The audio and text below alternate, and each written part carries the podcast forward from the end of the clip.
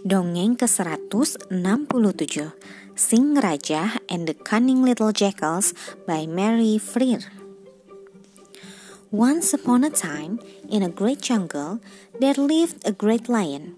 He was Raja, king of all the country, and every day he used to leave his den and roar with a loud, angry voice.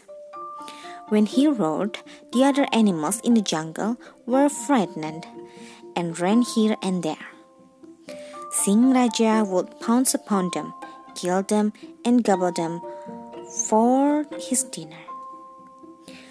This went for a long time until at last there were no creatures left in the jungle but the king and queen of the jackals, Raja Jackal and Rani Jackal a very hard time off in the poor little jackal's head, running this way and that to escape the terrible Singh Raja.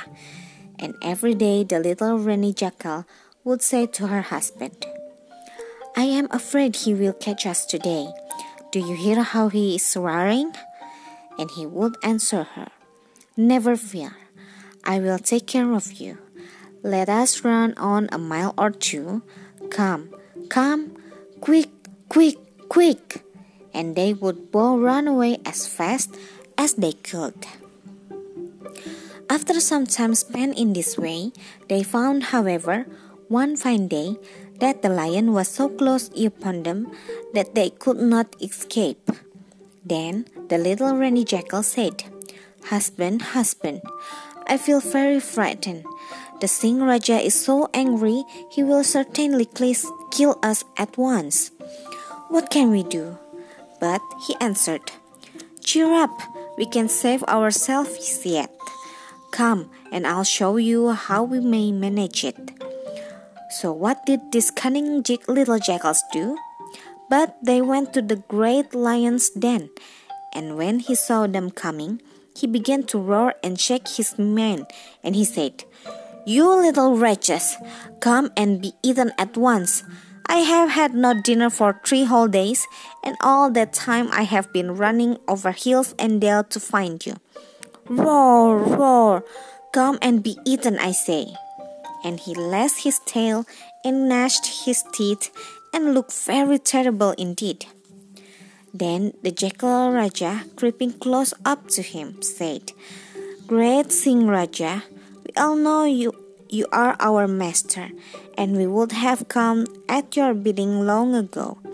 But indeed, sir, there is a much bigger Raja even than you in this jungle, and he tried to catch us and eat us up, and frighten us so much that we were obliged to run away. What do you mean? growled Singh Raja. There is no king in this jungle but me. Ah, sire, answered the jackal. In truth, we would think so, but you are very dreadful. Your voice is death, but with our own eyes we have seen one with whom you could not compete, whose equal you can no more be than we are yours, whose face is as flaming fire, his step as thunder, and his power supreme. It is impossible, interrupted the old lion.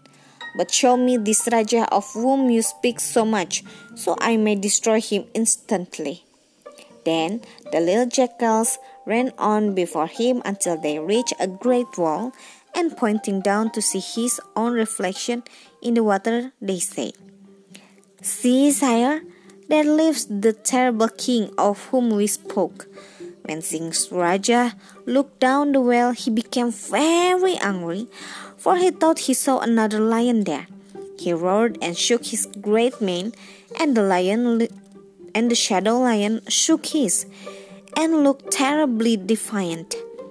At last, filled with rage, Singh Raja sprang down to kill him at once, but no other lion was there, only the treacherous reflection.